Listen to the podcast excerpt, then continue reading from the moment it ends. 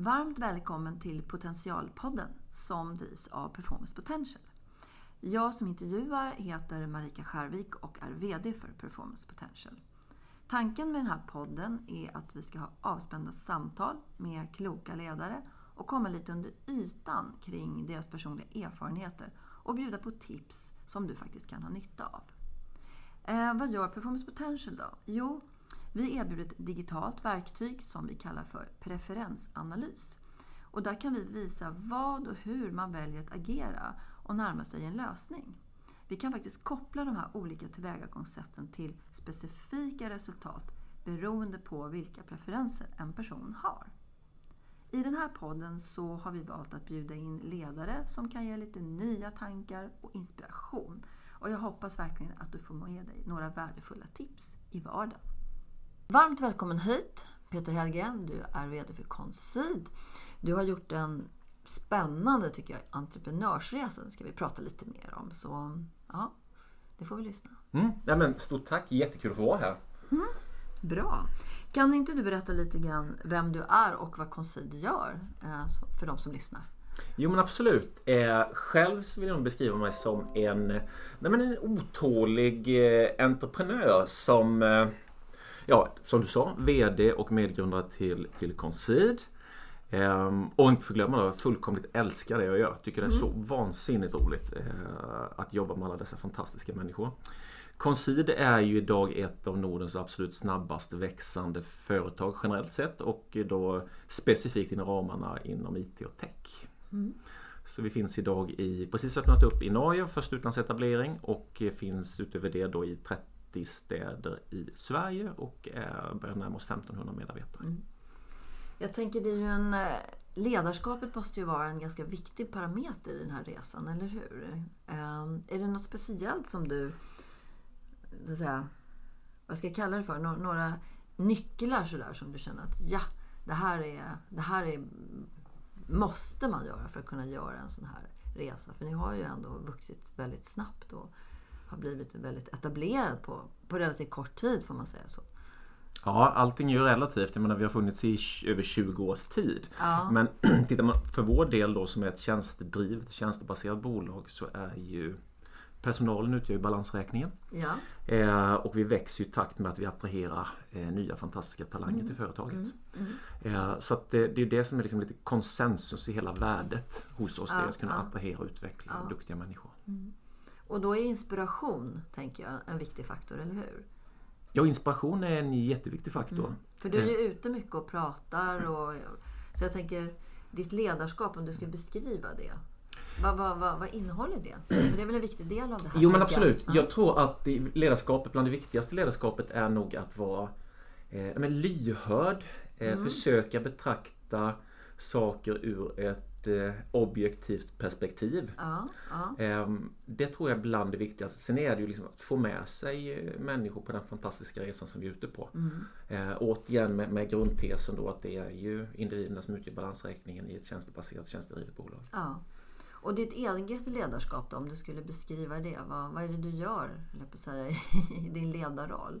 Nej, men det handlar ju... Som är viktigt? Ja, men det är, man säger så här, det viktigaste är väl egentligen på något sätt att våga anställa kollegor som är bättre än en själv. Ja, det är ett ja. ganska slitet uttryck men, men något, det ligger väldigt mycket i det. Men att göra det faktiskt, det är ju, eller hur? Ja, men ja. precis. Mm. Eh, och det är väl någonting man skulle skicka med generellt sett att man måste ju vara väldigt trygg i sig själv att liksom inte känna hot utifrån på något mm. sätt utan att hela tiden se till att man man bygger, man bygger bolaget efter de bästa förutsättningarna som finns för att då attrahera de bästa medarbetarna. Mm. Sen gäller det ju väldigt mycket att få med, alltså bygga kulturen. För kulturen är ju det som egentligen är essensen som håller Mm. samman kittet. Mm. Liksom i ett tjänst, Mm. framförallt i ett tjänstebaserat bolag då. Mm. Eh, och framförallt skulle jag säga att det är viktigare än någonsin idag. Framförallt när det gäller att appellera till de generationerna som nu kommer in på arbetsmarknaden. Mm. Där är det, det är ju en säljprocess egentligen. Man har ju vänt på kuttingen från att om man tittar tillbaks något Mm. decennium och så vidare, eller ett par decennium så var det ju då var det hela tiden individen som skulle sälja in sig mot bolaget. Ja. Framförallt i vår bransch inom IT och tech idag så har man ju fått, den kuttingen har ju vänts helt och hållet Mm. så det är en säljprocess att, att kunna attrahera, hitta hitta, identifiera, behålla Ja. rätt eh, kompetens eh, och kompetens inom företaget. Då. Så, att, så att i den processen där så är det ju enormt viktigt att man då fyller varumärket med positiva attribut som faktiskt appellerar. Mm. Och positiva attribut idag för de generationer som nu är kommit in eller på Mm. väg in i arbetsmarknaden. Det är inte bara lön utan det är så mycket annat. Mm. Mångt och mycket att bidra till ett, eh, till ett högre syfte helt enkelt. Ja. Och det är klart, då är ledarskapet viktigt för att kunna tydliggöra det på, på, på, i, i mångt och mycket så att säga. Vad är, det, vad, vad, vad, är, vad är ditt fokus just nu? Vad är det du så att säga, engagerar din tid i? Nej, men det är hela tiden, men vi växer väldigt kraftigt. Ja, Vi har ett mål på att anställa lite drygt 500 nya kollegor i år. då. Ja, Och mm, eh, det är ju mångt och mycket att se till att man faktiskt kan bibehålla den här kulturen. just det. Eh, utveckla den, se till att man får in folk med rätt onboardingprocesser, att man liksom lyckas behålla en kultur. Bara det att man växer på en ort kan ju vara utmanande. Ja, Men det att man etableras på många nya orter och att man då växer på många orter samtidigt är ju specifikt eh, det är en utmaning. mm, Så är det absolut, det ska man vara ödmjuk för. Eh, Så att väldigt mycket tid läggs ju på att få dels varje individ att bli sedd och Ja. hörd ja, och eh, även att se till att man får med dem på den här fantastiska resan. För kan man utnyttja kapitalet i den totala organisationen, kost geografin, då har ja, man ju otroligt mycket vunnet. ja, Och sen också tesen egentligen att det är ju vad som är sagt som är det absolut viktigaste och inte vem som har sagt någonting utan vad är det faktiskt som är sagt. just det. Det är i och för sig en, en, en, ganska 10 000 kronors fråga men skulle du kunna beskriva kulturen på något sätt? Alltså, finns det några nycklar? Så att det här är vad vi erbjuder, det här är vad vi förväntar oss. Finns det några sådana som, mer konkreta grejer som... som Ja, jag skulle vilja sticka ut hakan lite grann och så nu har det blivit ganska ett ord som har blivit eh, ganska vedertaget på sista tiden men jag skulle faktiskt vilja sticka ut hakan lite grann så att vi myntade ordet mötesplatser istället för arbetsplatser. ja, okej. Det Ja. är otroligt centralt för vår del. Det vill säga att vi skapar inte en arbetsplats utan vi skapar en mötesplats där man träffar kollegor, man har kul tillsammans, man växer ihop. Eh, Man ser fram emot att gå till jobbet och man, liksom, man skapar en plats där man trivs, utvecklas tillsammans både före och efter arbetstid. Ja, Det vill säga att man verkligen liksom skapar en gemenskap. För det är det här ordet tillsammans som är så ofantligt viktigt. mm, mm, För det, jag menar, det är först tillsammans som vi verkligen kan göra skillnad på riktigt. ja. Om du, eh, när du så att säga tittar tillbaks på, jag höll på att säga, tisdagen eller måndagen eller någonting i en vecka, i slutet av veckan. Mm. Eh, Vad, vad, vad, vad är det som har hänt då som gör att du känner dig riktigt nöjd? Liksom? Det här var en kanonvecka eller en kanondag. Så, va? Är det några liksom, saker som, som du blickar tillbaka på som du känner yes, det här var en... Absolut, Ja. men det finns massor med sådana. Kan du Eh, ta några? Bara? Men det, det absolut roligaste, så Ja. säga, då får nog sträcka oss till, till söndagen vill jag säga. Ja, okej. För om man sitter så här att man planerar veckan så brukar jag sitta och göra på söndagskvällar. Det är ganska skönt. Man Ja. har lite ungefär så att man har lagt upp strukturen för veckan och så vidare som kommer. Ehm, och det är nästan varje söndagkväll när man sitter och öppnar upp mejlen och tittar så kommer det alltid ett par mejl från eh, engagerade kollegor i organisationen som säger Hej Peter, har du tänkt på om vi skulle göra på det här och det här sättet Mm. så skulle vi kunna åstadkomma det här och det här. Mm. Och det som är så fantastiskt då det är ju individer som inte haft något uppdrag eller liksom inte haft någon Nej. att, att eh, tänka ut eller jobba med just de här delarna utan någon som liksom har gått på helgen kanske och funderat att okej men tänk om vi gjorde på det här sättet då skulle vi ju kunna förädla, vi skulle kunna bli bättre på det, vi skulle kunna åstadkomma det här. Ja, Och egna det initiativ liksom. Ja. Engagemanget, det Ja, tycker jag är så fantastiskt. Mm. Så det, skulle jag plocka ut något enskilt så är det absolut det. Det egna driva engagemanget utan att det finns något utplockat uppdrag att göra någonting eller någon Nej. arbetsbeskrivning att du ska åstadkomma Nej. det här. Utan bara just att drivkraften att vilja åstadkomma förbättring. Mm. Det som värmer allra mest. Ja, men det låter som du är väldigt eh, vad ska jag säga, tillgänglig, ett sånt där tråkigt ord. Men jag menar att du är tillgänglig för människors input och tankar och, och, och allt det här. Det låter som något som är i ditt ledarskap. Som, jag tänker det är ändå ganska många anställda och det finns ju alltid... Ju större ett bolag blir så kanske VD eller så försvinner bort i periferin. Men det Mm. låter som att du fortfarande är med i myllan sådär. Försök verkligen det. Ja. För att på något sätt så är det ju först, om, återigen vi är tillbaka till tjänstebaserade bolag. Mm. Där individerna utgör balansräkningen. Det är ju det som utgör värdet. Vår balansräkning går ut genom dörren klockan fem varje dag. Mm. Det är lite otäckt men så är det Ja, faktiskt. ja. Ehm, och har man då inte riktigt koll på vad är det faktiskt som händer? Mm. Eh, att kommer man då långt bort från verksamheten där, då är man ganska farligt ute. För Ja. menar, de här spiralerna kan gå väldigt fort framförallt. Och liksom, ja, baserat på att vi är helt och hållet tjänsteorienterade. Ja. Ehm, och det är ju det i den typen av företag som min fasta tro att tillväxt är viktigt. Mm. Det skapar nya karriärmöjligheter, det skapar Ja. stolthet, det skapar nya möjligheter för upp, spännande uppdrag och så vidare hela tiden. Mm.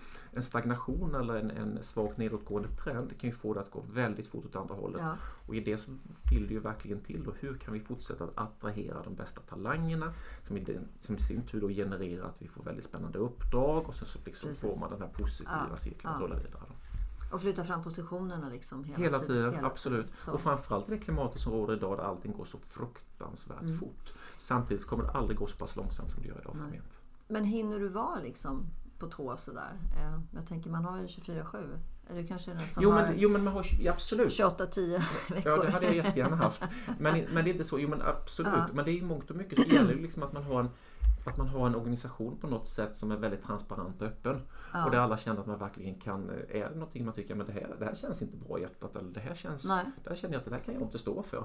Ehm, att det verkligen lyfts då. Mm. Och lyfts det tidigt då tar det så då är det så mycket enklare att hantera någonting Ja. än om det är någonting som ligger och gror i en organisation och tar Mm. mer och mer tid och får större och större massa.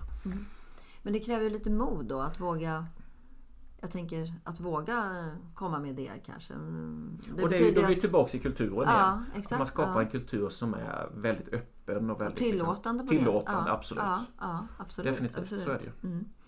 Vad, vad är den största utmaningen då som har varit under de här åren? Liksom, det finns ju alltid entreprenöriella utmaningar finns det gott om, eller hur Peter? Men är det något speciellt som du känner att du kanske står inför nu? Vad, vad ser du framåt? Så att säga? Pandemin var väl kanske en utmaning på ett sätt, men Pandemin var en utmaning. ja, Eh, framförallt skulle jag säga att när den bröt igenom med full kraft, kanske om man tittar på de nordiska länderna, vi pratar andra delen av mars 2020. mm, Eh, då var det en utmaning för att det blev...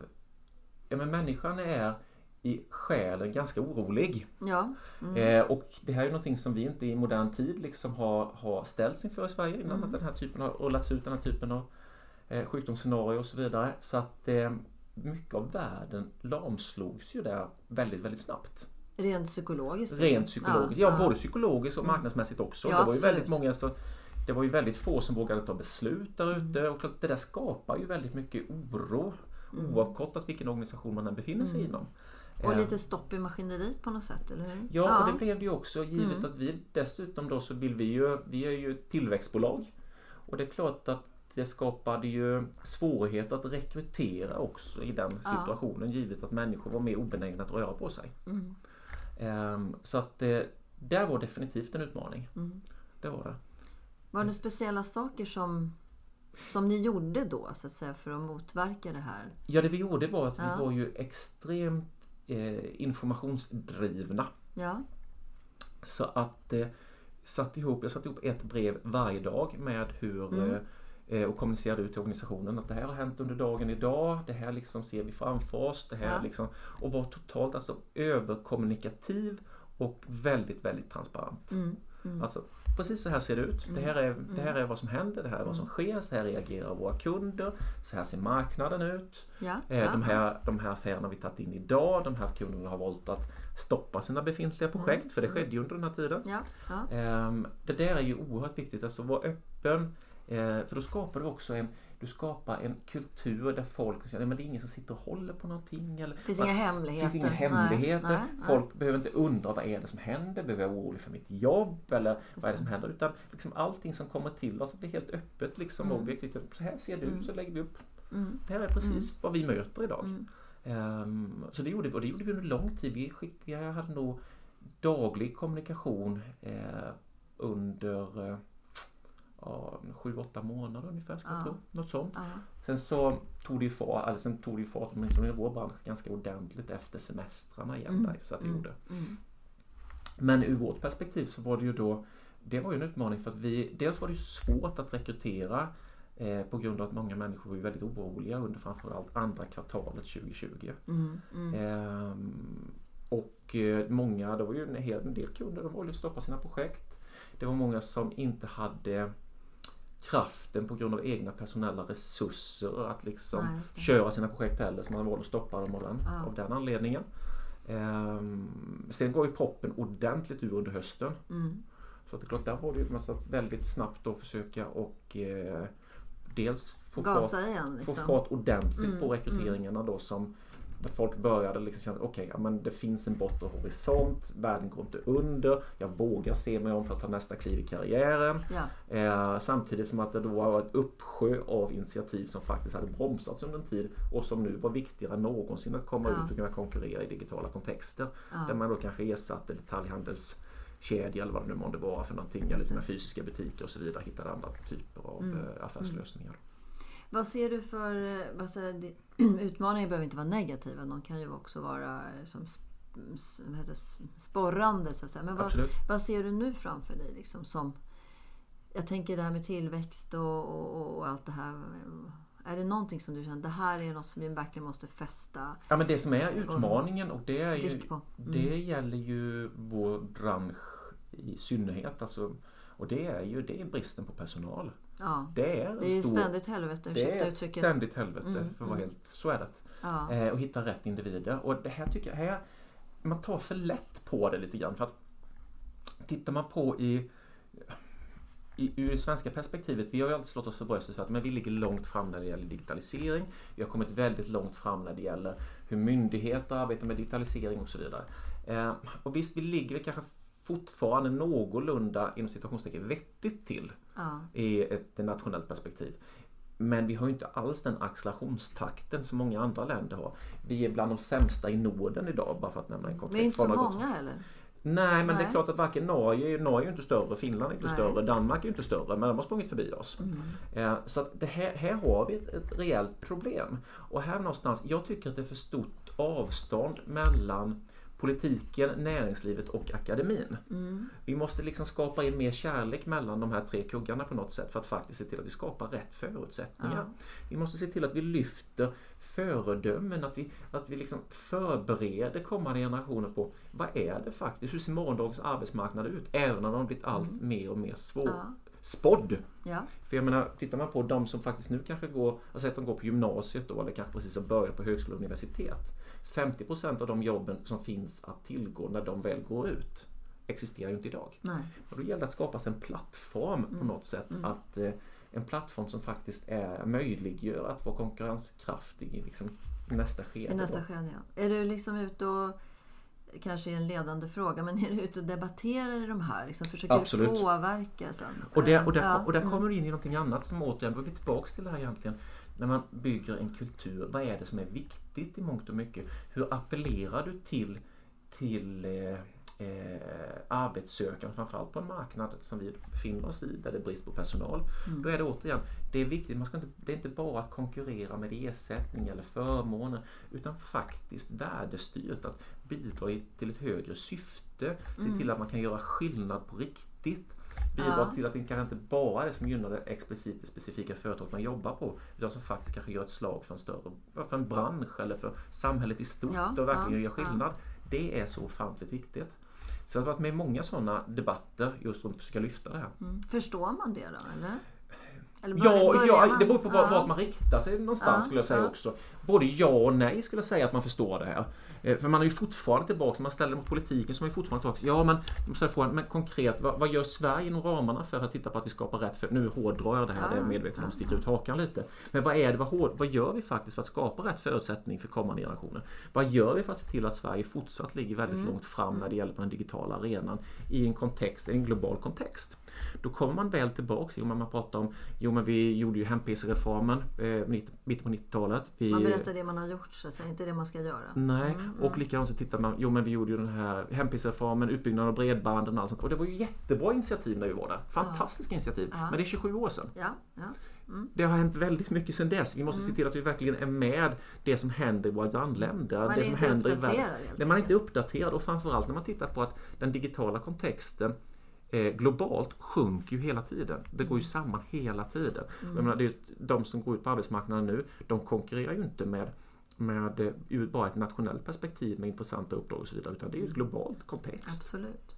Och inte minst drivet av pandemin där det har blivit mer och mer eh, legitimt att jobba remote eller jobba på distans Mm. och så vidare. Då. Så vi, vi, vi, liksom, vi konkurrerar på en global marknad och då måste vi se till att om eh, våra barn i andra eller våra barn, men om ungdomar i andra länder har betydligt bättre förutsättningar, har en bredare utbildning, har en Ja. eh, stabila matematisk grund att stå på, har börjat med programmering tidigare. Mm. Eh, Men det är klart att vi, vi, vi konkurrerar mot dem. Vi konkurrerar ju Exakt, exakt. på, då är vi inte Mm. på samma villkor. Nej. Nu är väl du kanske inte the worrying kind om jag får uttrycka mig så då, eh, som person. Men är det någonting du känner liksom att du är mer orolig kring för att liksom driva den här utvecklingen framåt? eh, Ja, men det, finns, ja, men, ja, ja, det är en sak som jag verkligen är orolig över. ja.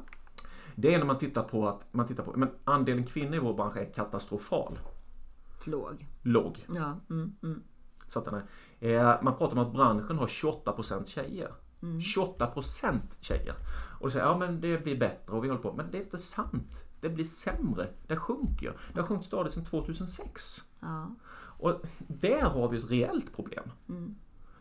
Men jag bara tittar på att det är ju det är ju liksom 50% av, varför tar vi inte nytta på liksom Mm. allt det fantastiska liksom kompetensen, alltså det, det är vansinne och framförallt när man tittar på de typen av tjänster som vi genererar ska ju spegla hur marknaden ser ut ur ett totalt Ja, perspektiv. ja, Eh, och när det inte gör det, hur utvecklar vi rätt lösning inom vård, omsorg, eh, logistik, e-handel, vad det nu månde vara för någonting. Mm. När vi inte speglar hur det faktiskt ser ut. Och nu pratar jag om kvinnor isolerat då, men det är ju det är ett vidare perspektiv när man tittar liksom, vi ska spegla hur hela samhället Mm. Ja, ser ut på något sätt. absolut. Även där är vi ju dåliga att ta vara på kompetensen som ja, finns. ja. Och det är ju en stor fråga som så att Det säga... är en jättestor fråga, men en extremt viktig fråga. Ja. Nej men det är klart, det, det, det hindrar ju också möjligheten till tillväxt och utveckling i olika former. Att vara lite enfaldig liksom i sin analys som jag säger. Absolut, Så för marknaden ser Ja. inte ut så. Nej, men så är det absolut. Eh, herregud, vi skulle kunna prata länge. Ja, så är det. Eh, eh, nu, nu har jag hållit på i 20 år så det är ju så när man startar, du var inne på det lite grann. Mm, så, ja, men men det är de senaste åren som... Vad, vad, från början där, vad, vad hade du för vision då? Ja, men visionen från början, så Ja. egentligen, när vi startade bolaget, Ja. det var egentligen jag och en kollega som heter Henrik Sandell. Ja, Eh, men det, det var grundat egentligen av att vi, vi träffades tid mitten på 90-talet på ett, på ett eh, IT-företag. Han jobbade med väldigt duktig tekniker, Mm, utvecklare och så vidare. Jag kom från sälj, marknadssidan. Men det var det som var essensen när vi grundade för det var att på den tiden hade vi så otroligt kul. Vi ja, hade en arbetsgivare som såg, en chef som såg varje individ. ja, Eh, han såg till att det fanns en kultur där det var roligt att gå till jobbet, det fanns Mm. rätt förutsättningar. Eh, man, det var mycket det här, även om det inte benämndes men det var mycket mötesplats. Man hade jäkligt kul ihop. Mm. det var liksom. inspiration. Ja men det var liksom. inspiration, Ja. det var mycket liksom Ja. ur rätt kontext, kärlek så. Alltså det var, det var, det var väldigt eh, engagerande. Eh, sen så, det hände ju mycket i slutet på 90-talet där inom, inom eh, IT-sektorn. Mm, ja, Och eh, sen byttes det, det byttes VD inom det bolaget där jag satt kvar då. Och eh, då kom raka motsatsen egentligen. ja, Såg inte individerna, eh, en individ som inte var extrovert alls utan var väldigt inbunden, som inte var Fick inte med sig personerna utan det var Man såg inte vad är det faktiskt med balansräkningen hos jag menar, jag menar, Har vi inga kunder då har vi ett problem. Har vi ingen som kan generera intäkter då har vi ett, och ett Ja. ytterligare problem.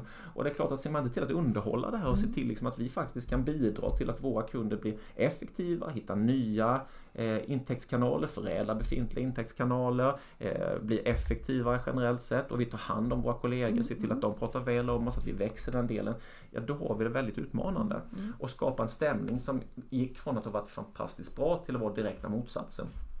Så det var egentligen inte, vi startade inte Concede utifrån tesen att vi såg en lucka på marknaden geografiskt eller att vi såg att det finns en kompetensfläck som liksom ingen har varit inne på sedan Nej. tidigare som vi måste ge oss in i. Utan det var värdestyrt från början. ja. Längtan att faktiskt skapa den typen av eh, bolag på något sätt i grunden. Ja men det är Eller? ju vårt Ja. motto ända sedan dess, Ja. precis det du är inne på. Liksom, att Ja. vi vill bygga det bolag vi själva vill jobba på och som kvalitetsmedvetna kunder vill jobba med.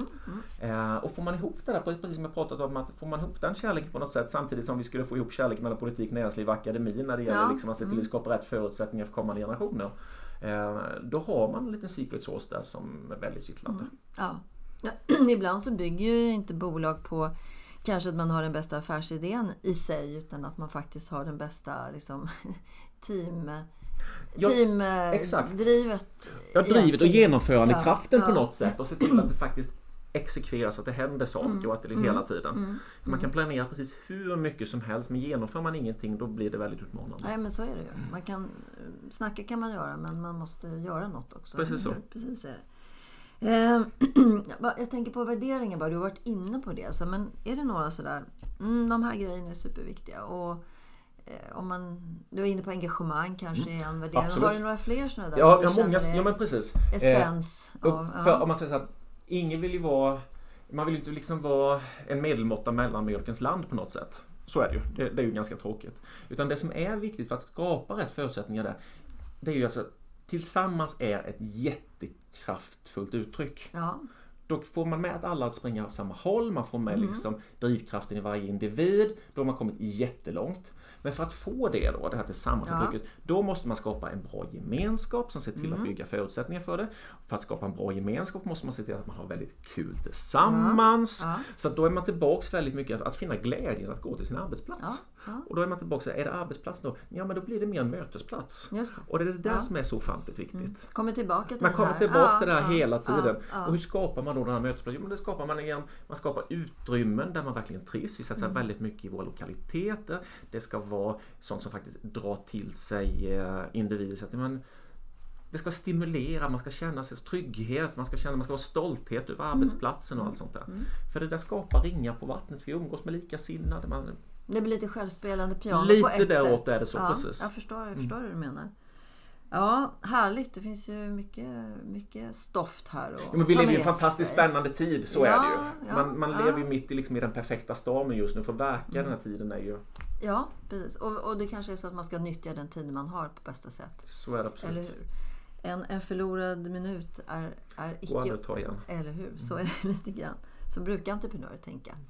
Eh, faktiskt. Det är väl därför man kanske är entreprenör, tänker jag. Eller hur? Eh, kanske en konstig fråga så här, men om du skulle få leva om din karriär, vilket du troligtvis inte vill, men om du skulle få göra det, är det, är det någonting liksom i det du har gjort så här långt som du tänker att det där, det var lärorikt, det där tog jag med mig så att säga. Det finns hur mycket Om du som skulle helst. plocka något speciellt som du känner sådär, bara kommer till dig nu när jag Ja, men det, frågan. ja, men det, finns, det finns precis hur mycket som helst. Massor med saker som man här med facit i hand skulle ha gjort annorlunda. Ja, men det kan man ju inte ägna sig åt kanske. Nej men, nej, men, Nej. man- men, Men om, en om du lärdom. ställer frågan, En lärdomen lärdom. där. Eh, jo men det, det är nog lite grann att eh, ur vårt perspektiv så har det varit väldigt mycket om att titta på liksom, se till att man verkligen ser till att varje individ blir, jag tycker vi har varit duktiga på det ska jag säga, men ändå det finns ännu mer att göra. Se till att varje individ verkligen blir sedd. Hur får man ut det här att det är okej att ta initiativ, att våga ta initiativ. Hur, får, hur får man ut det här ordentligt i organisationen? Man ska liksom, är det någon som tar ett initiativ till en after work eller något, ja, men då ska man ju stimulera det. Se till liksom att hela tiden att man får in den där kulturen på ett bra sätt. Vi började själva egentligen alldeles för sent kan jag säga, men när man tittar på att, att lägga fokuset på kanske eh, rekryteringsorganisation, HR-organisation, alltså de här delarna. Det var någonting som liksom, eh, vi inte varken haft med oss det Henrik eller jag sen tidigare arbetstillfällen på det sättet. Eh, och det här var ju någonting som, hade vi haft med oss det betydligt tidigare så hade vi varit betydligt längre i vår resa idag. Ehm, så det skulle man väl, skulle jag vilja göra någonting annorlunda så är det ju definitivt jag skulle satsa på de delarna tidigare än vad vi gjorde så att säga. Nu var vi inne i 2008-2009 innan vi såg liksom riktigt Poletten trillade ner fullt ut. Men det är en klok tanke för det är många som faktiskt inte gör det. Precis, alltså Mm. det, på något sätt kommer det efteråt. Även om du säger att det är balansräkningen så är det som att man glömmer bort det på något sätt. Måste- I många företag faktiskt. Jo men det är balans, en balansräkning måste du, den måste du vårda. Ja, För har du inte en vårdad Ja. balansräkning oavsett vilken företag och vilken bransch du är. nej, ja, men så Då är är det. du ganska illa ute. Det, problemet är kanske att en del inte vet hur de ska vårda den där balansräkningen. Så att säga. Om du skulle, liksom avslutningsvis här, om du skulle skicka med tre skarpa råd, om jag får uttrycka mig så, då, till, till, till, till de som lyssnar här. Vad, vad, vad ska man tänka på egentligen? Du har varit inne på det, absolut. Men är det något sånt här konkret? Mm, det här är mina tre, tre råd som jag känner, det där, det där bör man ta med i beaktande. Vad skulle det vara i så fall? Eller Eh, två eller fem eller vad du nu kommer fram till. ja, ja, någonting är ju, det är ju att vara vara inlyssnande mot organisationen. Mm. Försök skapa ett klimat där faktiskt synpunkter positiva som negativa verkligen lyfts. Ja. För det är först när man är medveten om dem som man faktiskt kan åstadkomma någonting Mm. kring det. Mm, det är, mm. Och det är inte lätt, det är jättesvårt. Liksom. Om man som nyanställd kommer in någonstans och känner att "Men jag har inte blivit bemött rätt, jag tycker att det här känns inte alls bra. Det är inte så lätt att skapa ett klimat där det faktiskt lyfts Nej, och nej. kommer upp och så vidare. Men vad händer om jag gör det? Eller vad händer? Det där är viktigt, att Ja. Mm. skapa det klimatet.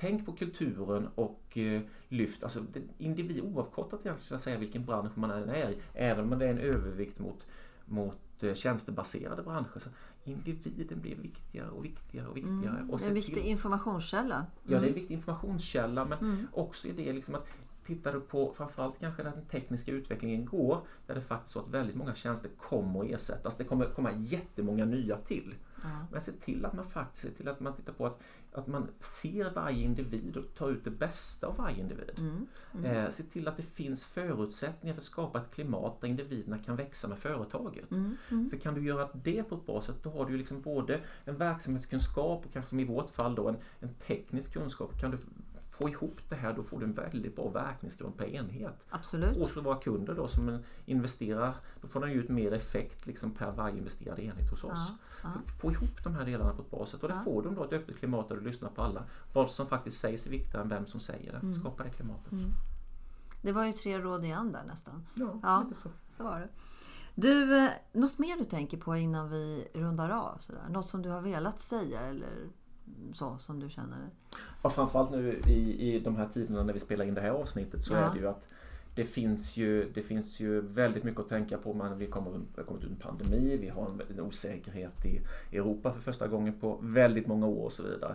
Så finns det saker som faktiskt betyder väldigt mycket och det är ju som ett, ett leende bara kan göra otroligt Mm, mycket. mm. En, eh, en positiv kommentar till en kollega eller medmänniska kan lyfta och betyda oerhört mycket. Mm. Ehm, Så tänk på de där sakerna också. Ja.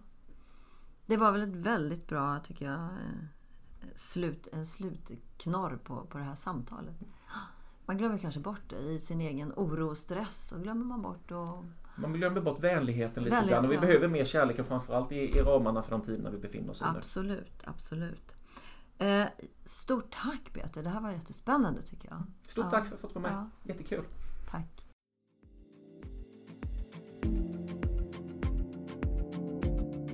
I idrottsvärlden känner varje individ till sin process för prestation och leverans ganska väl. Men i näringsliv och organisationer är det ofta en otränad och kanske omedveten kunskap. Performance Potentials digitala verktyg, som vi kallar för preferensanalys, används just för att ta fram teams och organisationers sätt att leverera. Och sen matchar vi det med kundernas krav på agerande. Genom den här metoden får både individer och organisationer en möjlighet att nå sina mål och få bästa utfall av sina planer. Därför att man på förhand faktiskt kan förutse hur människor kommer att agera. Så hör gärna av dig så kan vi berätta mer om hur det går till.